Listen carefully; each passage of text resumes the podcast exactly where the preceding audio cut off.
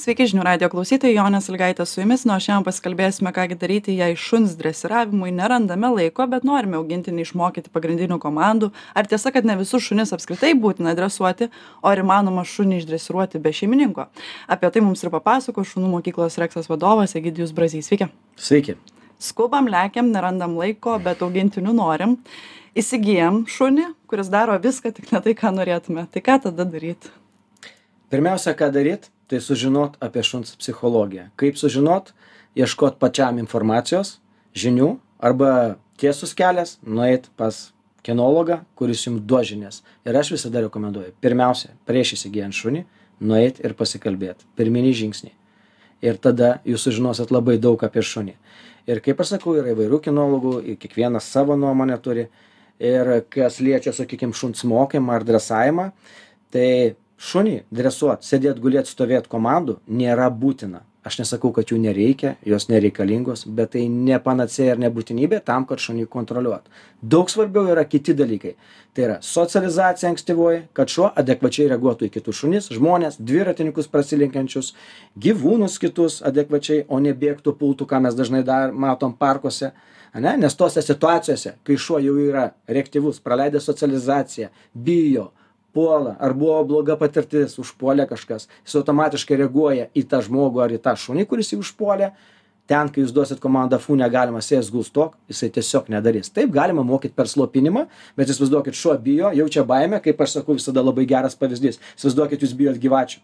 Aš jum paleidžiu gyvates ir sakau nebijokit dabar stovėkit čia niekur nejudėkit net nebandyk nes mušiu ane tai va šuo susiduria su tuo pačiu su tom komandom. Ten komandos neveiks tai reiškias ten turim dirbt su nujautrinimu kad šuo pirmiausia saugiai jaustųsi toj situacijoj ir toj vietoj. Namie jis padarys tas sėsk gul stovėk komandas. Labai įdomus dalykas būna kai man paskambina žmonės nežinau kodėl bet visada sako mano šuo išmokęs sėsk gul stok pas mane. Sakau kuo galiu padėti? Jūsų tobulas šuo. Sakau gerai sakau kažką noriu sudėtingiau pamokyt. Jokių problemų atvažiuokit. Atvažiuoja į grupines treniruotes arba asmeniškai pas mane. Nu ir kaip pavyzdys aš paimu sakau parodykit ką mokat na jisai sako greta gerai praveskit. Veda greta. Aš paimu ir tokį turiu vadina feikinį šunį su kuriuo dirbu su nujautrinimu kitais šunim kurie yra agresyvūs. Ir tiesiog parodau jam pravedu na tas šuo bėga ant to šunio. Baigiasi visos greta sėdėt ir gulėt. Todėl kad čia šuo nežino kaip elgtis. Jis neišmokęs. Jis išmokęs ramioj situacijoj. Tai paprastai tariant jeigu aš mėtau į krepšinį salėj vienas tai aš iš dešim gal aštuonis ar devynis pataikysiu. Bet jeigu aš nueisiu į siemens areną ar žalgirio areną kaune ir man švilps žiūrovai ir plos. Nu kažin ar iš viso rankos nesudrebės ir damesiu iki lanko? Tai vat su šuniu lygiai tas pats. Pirmiausia jam svarbi socializacija kad jis saugiai jaustųsi bet kokioj aplinkoj kur yra šunys automobiliai gatvė nes tai nebus tos pačios komandos ką jis klauso prie stalo kai klauso tai yra stalo dresūra kaip vadinu. Jinai gerai neblogai protinė veikla bet tai nėra panacėja kad jūs šunį kontroliuosit tai socializacija tinkamas auklėjimas tai reiškias kad netempt pavadžio išmokt kad šuo ateitų sakykim aš vadinu netgi auklėjimui tai nebūtinai kad jis ten sėstų idealiai darytų. Eitų šalia jo tempiant vėlgi nebūtinai kad jisai ten galvą pakėlęs kaip varžybose. Tiesiog kad aš saugiai prasivesčiau pro žmones kad aš išvežčiau šunį pasivaikščiot o ne jis mane kaip dažnai ant pilvo būna ane tai yra mokomi dalykai. Komandą palik kad atsitrauktų nuo kažkokių pavojingų daiktų ką surado eit į vietą ir vieta neturėtų būt bausmė o šuniui malonumas kaip daug ką išmokom ten eik į vietą ane? Tai vėlgi ir pagrindinis dalykas patenkint šuns fiziologinius biologinius poreikius. Tai yra tinkama mityba poilsį ką mes pamirštam. Jeigu mes šuniui neduodam miegot ir dažnai jį tenai žadinam kažką daryt ypač jauną jis būna nervuotesnis jeigu pastebėjot ypač vaikai tą padaro išprovokuoja. Šuniui būtinas irgi poilsis ir tam tikras ribas mes turim gerbt šunio ir kai šuo miega nelįst duot pailsėt jam ane? Tai yra labai svarbūs dalykai ir galų gale judėjimo poreikis. Kiekvienai veislei kiekviena veislė turi savo ypatumus pažiūrėt kas jai būdinga pasekt savaitę laiką pažiūrėt ką šuo daro ir parinkt tą ką jis daro pasiūlyt tas veiklas alternatyvias. Aišku jeigu jisai gaudo ten mašinas tai nesiūlyt gaudyt mašinų bet galbūt jeigu jis gaudo mašinas tai pririšt tokią kaip sakau meškerę šniūrą žaislą ir duot jam pagaudyt nes tai yra galbūt aviganis kuris gano. Jeigu tai yra kinkinių šuo nu aš netikiu kad jisai dešim kart norės sėst gult stok krist stot krist stot po tų komandų jis pažiūrės kelis kartus sakys ar tu šeimininkas durnas ar ne aš tempt noriu. Kiekviena veislė turi savo charakteristikas ane ar ten kokį laiką. Kaip ten laiką pavyzdžiui pasakyt sėdėt kad nepultų žvėries miške. Nu tu gali slopint ten yra tie elektriniai antkakliai visa kita bet tai yra šuns žalojimas ir nėra tos humaniškos priemonės. Ir galų gale šuo visą laiką buvo veistas tam kad jis medžiotų o dabar tu nori kad jis nemedžiotų. Staiga kai jis tam buvo sutvertas.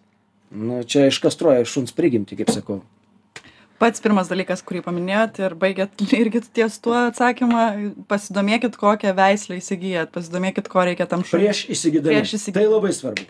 Mes kai perkam mašinas irgi pirmiausia įsivertinam ką mes darysim mieste ar užmiesty važiuosim. Ar vežiosim krovinius ar važiuosim dviese tiktai tai ir klausimas tuomet o yra tokių veislių kurių gal net nereikia dresuot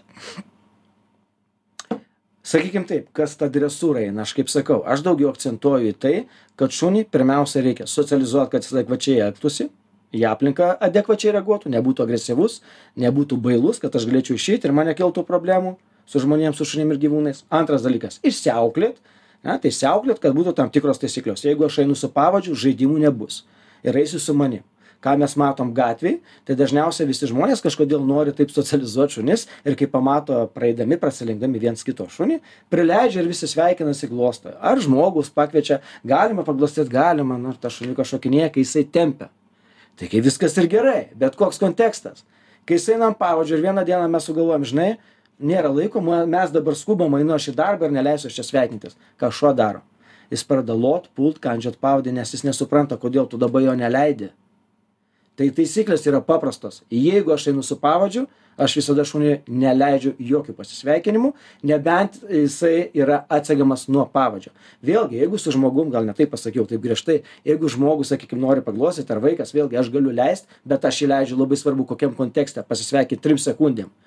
Kada jisai atsisėda nusiramina bet netempia link to žmogaus kai jis atkreipia dėmesį į mane arba nusiramina tada sakau eik pasisveikink paglostė tris sekundes ir nusivedžiau.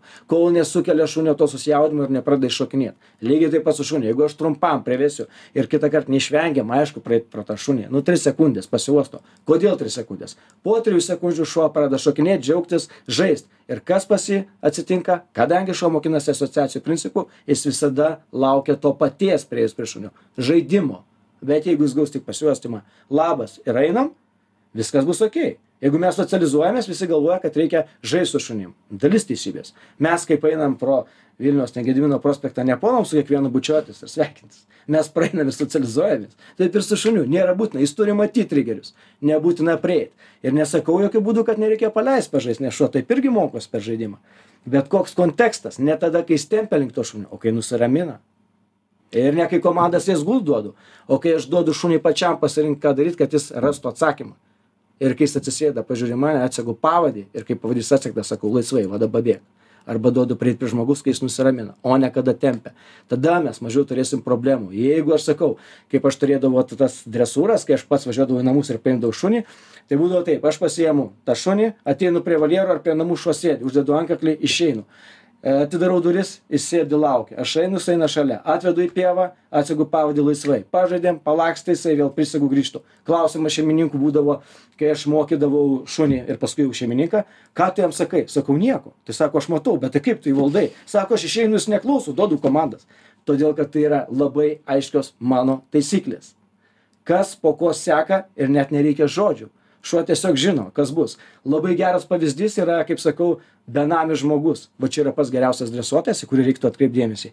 Jis daro viską ką reikia daryt. Patenkina šuns fiziologinius biologinius poreikius daug juda kartu ieško maisto medžioja ką šuo natūraliai daro daug vaikšto daug praleidžia kartu laiko kontakte pažiūrėkit jis eina be pavadžio prie perėjos sustoja jie kartu būna. Va čia yra pavyzdys. Apie socializaciją dar kalbant e, gal įmanoma apšokti tą socializacijos periodą pasiemant šunį iš prieglaudos? Gal tie šunys jau yra praėję šitą momentą nes vis tiek visą laiką tarp šunų turėjo leist laiką. Ar jau kai pasiimsim tai jisai savo taisykles ir pradės diktuot? Dažniausiai ne visada. Dažniausia šunys iš prieglaudos turi savo blogą istoriją ir prieš įsigyjant iš prieglaudos labai skatinu imtis sakykim žinių sužinot iš trenerių surinkt informacijos kaip dirbt su tais šunim nes tai yra skirtinga specifika ir reik suprast vienokių ar kitokių problemų dažniausiai ne visada turėsit. Nes tai lemia ir genetika. Pavyzdžiui jeigu šuniukai buvo nėšči nu kada buvo nėščia mama ir tie šuniukai buvo pilve buvo pastoviai trigerinama kitaip tariant nu jinai puldavo ant praeivių ar kažkas ateidavo ir pastoviai gąsdino ir jinai gindavo tuos šuniukus. Dažniausia tas persiduoda šuniukam ir tai yra genetika. Ir visada šuo bus dirglesnis nervuotesnis piktesnis. To neišspręsi tą gali nujautrint. Kaip pavyzdžiui kitus šunis laiko ten labai saugiai tas kales kada juos gimdo saugioj vietoj kuo mažiau trigerina ane tai vienas iš tokių dalykų. Tai iš prieglaudos su šunim reikia pasiruošt kad tai bus iššūkis. Tai nėra blogai reikia apsispręst bet tai bus sudėtingiau ir ne visada vieni dalykai lengviau kiti sunkiau sprendžiasi vieni rimtesni kiti paprastesni bet nu kiek aš susiduriu o gal aš susiduriu tik su problematiniais nes neproblematinių neveda todėl aš negaliu sakyt. Bet su jais šiek tiek būna sudėtingiau. Bet viskas sprendžiama viskas galima ir sakau labai skatinu todėl kad tie šunys būna labai prisirišę ir tikrai kažkokia emocija yra kur atsidėkoja tie šunys tam šeimininkui už tai kad jiem išgelbėjo gyvybę ir jie dėl to nekalti tai tikrai aš už skatinu nereik bijot tiesiog reikia apsispręst ir šiek tiek surinkt žinių kaip elgtis.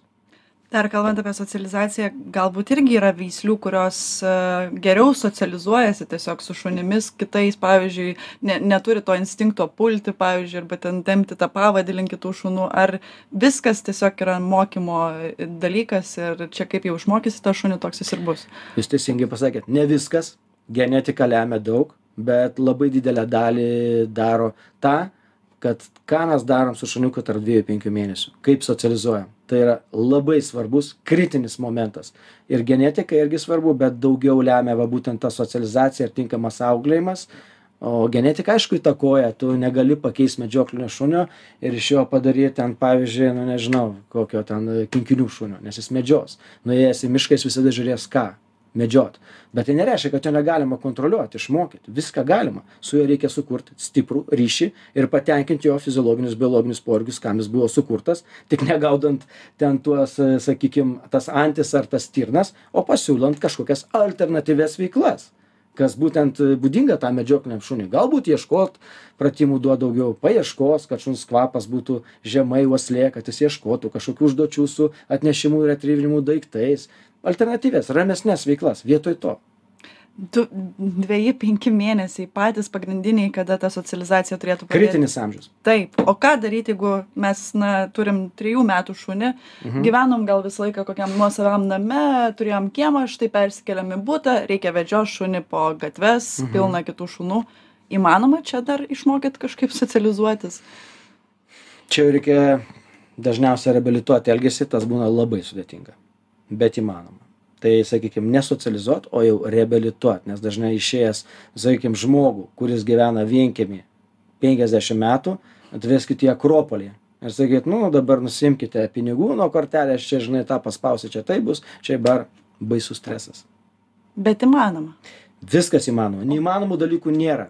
O ką turėtume pirmiausiai tada daryt tokiu atveju? Sukurt saugią aplinką. Mes kaip šeimininkai turim duot saugumą ne ne iš karto eit vėlgi ta socializacija tai nereiškia kad aš dabar iš karto paimu šuniuką ir einu gedimino gatvėj socializuotis. Nes tada aš jį moku bijot. Per daug trigerių ir per daug intensyvu galbūt aš pradedu nuo ramesnės aplinkos. Parkelio ramaus savo vidinio kiemo. Galbūt žingsnį du užžengiu už tos ribos. Stebiu kaip šuo reaguoja. Stebiu šuns poreikius kūno kalbos. Ne ten kur aš su tokiu šuniu noriu eit o ten kur šuo nori eit nes ten tempimas ne dėl to kad jis užsispiria neklauso ten dėl nesaugumo. Tai labai žiūrėt kontekstą kodėl šuo tempia ar jis bijo ir bando pabėgt. Ir mes per jėgą drąsinam kaip sakau kaip tos gyvatės sakykim jūs bijotumėt aš čia paleidžiu gyvačių jūs bijot eit tai aš patempiu kad jūs nebijotumėt. Ne ar galbūt aš jas rodysiu jum iš toli kol jūs priprasit nusijautrinsit ir aš vis arčiau eisiu tai palaipsniui laipsniškai rodant aplinką saugiai sukuriant galima pakeist tą elgesį ir pradžiai paprastas patarimas vaikščiot ramesnėm vietom kur mažesnis intensyvumas. Garsų triukšmų šunų atitinkamai ką šuo reaguoja. Pirmiausia pagalba. Ar įmanoma na pačiam tau kaip žmogui tai padaryt ar jau reikėtų kreiptis tada pas specialistus eit į treniruotes ir aišku kad įmanoma bet vėlgi kiek jūs turit kompetencijos tame aš neturiu pakankamai jos ir kartais nežinau ką daryt. Tai žmogui kuris su tuo nesusidūręs nu aš kažkaip nelabai tikiu kad įmanoma tokį dalyką. Sėdėt gulėt stovėt iš jutubo pažiūrėjus filmukus galima. Žinot kaip keist elgesį šunio netikiu. Nes aš dar iki galo man ne visada viskas pasiseka ką aš noriu turim laiko pavedžiot šunį valandą bet neturim laiko užsiimti visa dresūra ir panašiai. Tada kreipiamės į ieškom žmonių internete kas gi čia gali padresuot tą šunį ieškom specialistų ieškom mokyklėlių ir panašių dalykų ir tada susiduriam su labai skirtingais skirtingom nuomonėm šiuo klausimu. Vieni laikosi tos nuomonės kad ne be šeimininko tikrai neapsiimsiu aš dresuot šuns tai neįmanoma padaryt. Ir po to ten nežinau šuo neklausys tikrai to ką išdresavau. Kiti sako žinoma atvežkit tikrai galim kažką padaryt ir bent jau tas pagrindines komandas arba pavyzdžiui tą pačią socializaciją na išmokysim. Kokios nuomonės jūs laikotės? Ir taip ir ne aš nesakau kad yra blogai kai kažkas jum padeda dresuot tą šunį galbūt socializuot išvedžiot jeigu iš tikro nėra laiko galimybių. Arba pavyzdžiui aš turėjau žmogų kuris negalią turi taip atsitiko ir jis turi šunį. Ką daryt? Yra tam tikrų situacijų. Bet jeigu jūs ieškot auksinės tabletės ir tingit užsiimt tai tada yra prasta idėja. Todėl kad pirmiausia taip tas veiks šiek tiek tų dalykų šuo klausys nes pirmiausia tas treneris išmokina šunį tam tikrų dalykų ir dažniausiai jis apmokina ir tą žmogų sakykim kaip elgtis tik labai svarbu atsirinkt trenerį nes yra visokių metodų kaip moko ir labai dažnai norint greito rezultato deja bet greiti rezultatai ateina per bausmes. Šuo mokosi tik dviem būdais.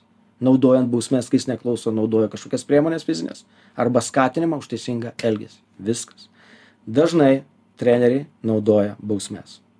Ir tada yra greitas sprendimas. Šuo išbėgo į šoną panaudojau pakirtimą. Šuo neklauso pas mane suspaudžiu ten ar elektriniu pakirtau rezultatas greitas bet aš matęs tokių šunų sugadintom psichikom ir žmonės ateina vėl pertreniruot nes nežino ką daryt. Šuo bailus jis vis tiek neklauso kai nėra to elektrinio ar to pavadžio. Todėl kad to greito būdo nėra o viskas atsiremia į pinigus.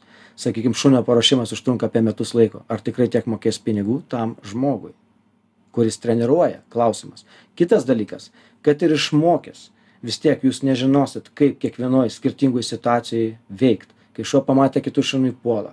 Ką daryt?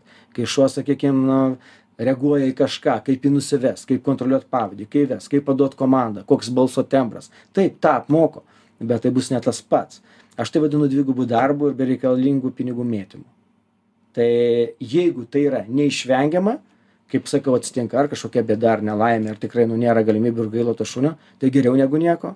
Bet visais atvejais geriau geriausiai kai pats žmogus eina ir pirmiausia mokosi ne šuo o žmogus kaip elgtis su šuniu. Ir ne dresūra sėdėt gulėt stovėt geras treneris ir šiuolaikiškas modernus treneris turi aiškint. O pirmiausia šuns poreikius kas jie yra? Fiziologiniai biologiniai. Kas būdinga tai veislei? Kiek jis turi dirbt? Tai pavyzdžiui jeigu tu duosi samojedui ten valandą laiko tose grupinėse treniruotėse sėsk gustok aš manau iš viso kad grupinėse treniruotėse kaip kuriem šunim išvis netinka dirbt nes pagal vieną klišę mokina ir jie neatlaiko tos įtampos to tempo ir to protinio krūvio nes jie šiek tiek kitokie primatai. Ir jiem tie nereikia. Jie galbūt padirbs dvi penkias minutes ir to užtenka. Bet kai spaudžia daugiau daryt pertempia ir būna per daug ką gali pavyzdžiui vokiečių aviganiai arba belgų malinois nes jie yra ir yra tarnybiniai šunys. Tai va dėl to aš ir sakau kad labai reikia atskirt žinot ir visada geriau yra privačiai galbūt prieit pas tą trenerį ir pasižiūrėt ką su juo reikia daryt kad jis paaiškintų jų psichologiją kodėl šuo šuo daro vienaip ar kitaip kodėl jis kandžiosi kodėl jis kasa nes tai yra natūralu. Kodėl? Kol jūs neatsakėt į klausimą kodėl jūs neturit imtis prieš šunį veiksmų nes jūs nežinot ką daryt. O jeigu žinot kodėl tą šuo daro bet neinterpretuojat savaip o remiatės kažkokiais tai treneriais galbūt skaityta informacija bet ne taip kaip jum atrodo nes jūs žinot aišku lietuva komentatorių labai stiprus kraštas nes aš pats daug dirbu feisbuke tai ten visokių ir ten durniu išvadintas ir nesąmones šneka tai aš irgi visada paklausau tų ekspertų. Bet deja taip yra bet paskui jie ateina ir dažniausiai kreipiasi tada kai jų vaikas sukandžioja kai dar ką ir kai aš išleidau straipsnį kaip reikia liest šunį tai ten irgi durniu išvadino aš ten tampau ir taip ir taip tą šunį ir nieko ten visada buvo gerai. Bet aš turiu patirčių kai yra sukandžioti vaikai. Tai aš tiesiog noriu apsaugot žmones per tuos vat filmukus ką mes darom savo feisbuke o ne dėl to kad aš pasirodyčiau gudresnis ar protingesnis. Aš tikrai visko iki galo nežinau ir kuo toliau tuo labiau man visokių klausimų iškyla apie tai. Bet pas mus yra daug ekspertų kurie žino. Tai kodėl? Auksinis klausimas. Jeigu žinot atsakymą remiantis kažkokiu kinologiniu mokslu aš sutinku. Jeigu jūs remiatės savo interpretavimu susimąstykit. Paskendę darbuose randasi net tokių dalykų ir tokių pasiūlymų ir lietuvoje toj pačioje iš užsienio man rodos atėjęs šitas dalykas bet visgi vežti šunį pas dresuotoją netgi gyventi savaitę arba tris savaites kad jis išmoktų pagrindinių komandų. Tai veikiausiai jau tokiuose kursuose e, dideli pinigai aišku ir visa kita bet veikiausiai jau tokiuose kursuose bus naudojamos tas tos bausmės nes kaip jūs ir sakėt metai laiko kol na normaliai išdresuos jau tą šunį gali būt visaip sakykim gali būt bet vienas dalykas tai žiūrėkit jeigu aš paimu šunį ką aš darydavau anksčiau mes turėjom ne paslaptis su kolega geru ir šunų viešbuty ir aš mano biznis būdavo kad aš pats paimu tą šunį ir patreniruoju ir į namus važiuodavau paskui aš sukūriau jau tik savo mokyklą. Bet jeigu aš pavyzdžiui labai galiu gražiai jum parodyt toj vietoj aš per tą mėnesį galiu atidirbt šunį labai gražiai ir jum atrodys fantastika. Tai bus treniruotės ane? Bet kaip tik jūs išeisit į gatvę ir jis pamatys šunis mašinas viskas baigsis. Ir sakysiu tai o ką nematėt kaip aš rodžiau pratimus kas yra? Tai nedirbat. Vienas iš būdų. Arba kitas iš būdų aš netikiu kad greičiau galima šunį išmokyt tai bus naudojamos bausmės. Netikiu kitaip. Gal kažkas gali įrodyt tai ką daryt? Kaip čia dabar viską na taip susumavus ir pasižiūrėjus e, metai laiko ta visa dresūra aš turiu jum atsakymą. Taip. Jeigu jis neturi daug laiko ir pinigų tada nereikia šunio. O kas jeigu jau turim? Bet jeigu turit ir to ir to, toks paprastas patarimas, bet kartu ir sudėtingas labai. Todėl, kad jeigu jūs šiek tiek pasidomėsit, nueisit pas trenerį ir pasidomėsit apie šuns psichologiją, kaip jį socializuot, kaip jį auklėt, kokie jo fiziologiniai, biologiniai poreikiai, kaip žaisti su juo, ką daryti ir ko nedaryti. Nes visi naiviai galvoja, kad mėtyt kamuoliuką, tai šunį iškrausim. Ne to reikia. Reikia ir protinės veiklos. Nes jeigu aš mėtau kamuoliuką ir, pavyzdžiui, tai duodu vokiečio vyginiui, australui ar kokiam šuniui, aš jam užkeliu kortizolį ir stresas didesnis tas streso hormonas gaminasi šuo visada reaktyvesnis darosi. Ir kuo toliau tuo labiau jį sunku iškraut nes turi daugiau energijos. Tai jam reikia ir protinio krūvio tokio kaip pavyzdžiui ieškojimo pratimai kad ir žolė išmėtus kąsniu ar ten tie vadinami kongai kur dedasi žaislai. Krūviai turi diferencijuotis. Kuo šuo judresnis tai nereiškia kad jam reikia daugiau fizinio krūvio. Jam reik ramesnių pratimų ane tai jeigu vaikas hiperaktyvus ir žaidžia vien tik krepšinį ir aš jo nekontroliuoju tai aš gal duodu šaškėm pažaist gal aš duodu galvosūkius paspręst? Tai čia va labai paprastai tas pats bet jum turi treneriai paaiškint pagal tą veislę pagal jo būdingus tuos vat sakykim charakteringus bruožus tai veislei ką su juo veikt kaip daryt kaip jį iškraut. Ir kaip sakau jeigu jūs su šuniu pakankamai vaikštot bent dvi tris valandas per dieną ane penkiasdešim procentų jau išsprendžiat problemų. Jeigu vien tiktai daug vaikštot visur ir mėgstat tą daryt jeigu jūs dar pasiūlot kažkokios veiklos protinės fizinės šuniui interaktyvinės tų visų tai protinės tu sėsk gulk galbūt pratimų kažkokios veiklos fizinės pasivaikščiojimų kad ir ilgų interaktyvinės paliekat ką veikt kaip jūs išeinat griaužt kažką laižytis o ne kampus ar baldus. Jūs jau žinot labai daug. Ir tas paprastai gali to užtekt. Gali užtekt jum kelių pamokų. Nesėdėt gulėt stovėt tam šuniui reikia kalt tiesiog išeit pavaikščiot pažint naujas vietas su ilgu pavadžiu pavedžiot. Ir nuo kvapų pasaulio tai yra jo feisbukas šunio jis jau rims ir bus labiau pavargęs ir natūraliai ramiai pavargęs o ne įaudrintas vien tik kamuoliuko mėtymu. Tai nereiškia kad blogai bet diferencijuot krūvius ne visada tik mėtyt kamuoliuką nes aš matęs šunis kurie paskui reikalauja ir kandžioja šeimininką ir nežino ką daryt. Tai va tam reikia žinių ir noro vaikščiot. Jeigu jūs norit vaikščiot ir mėgstat vaikščiot šuo jum. Vaikščiosit daug ir daug problemų išsispręs ir nebūtinai jum reiks eit ir kalt tas komandas. Aš nieko prieš tas sėdėt gulėt stovėt ir visa kita. Jos gerai kaip kur reikalingos kaip kurios bet tai nėra panacėja kurios duos valdymą šuniui. Kalbėjom su šunų mokyklos reksas vadovu egidijumi braziu. Šią laidą vedžiau aš jonė salygaitė jums klausytojai sakau iki kitų kartų. Iki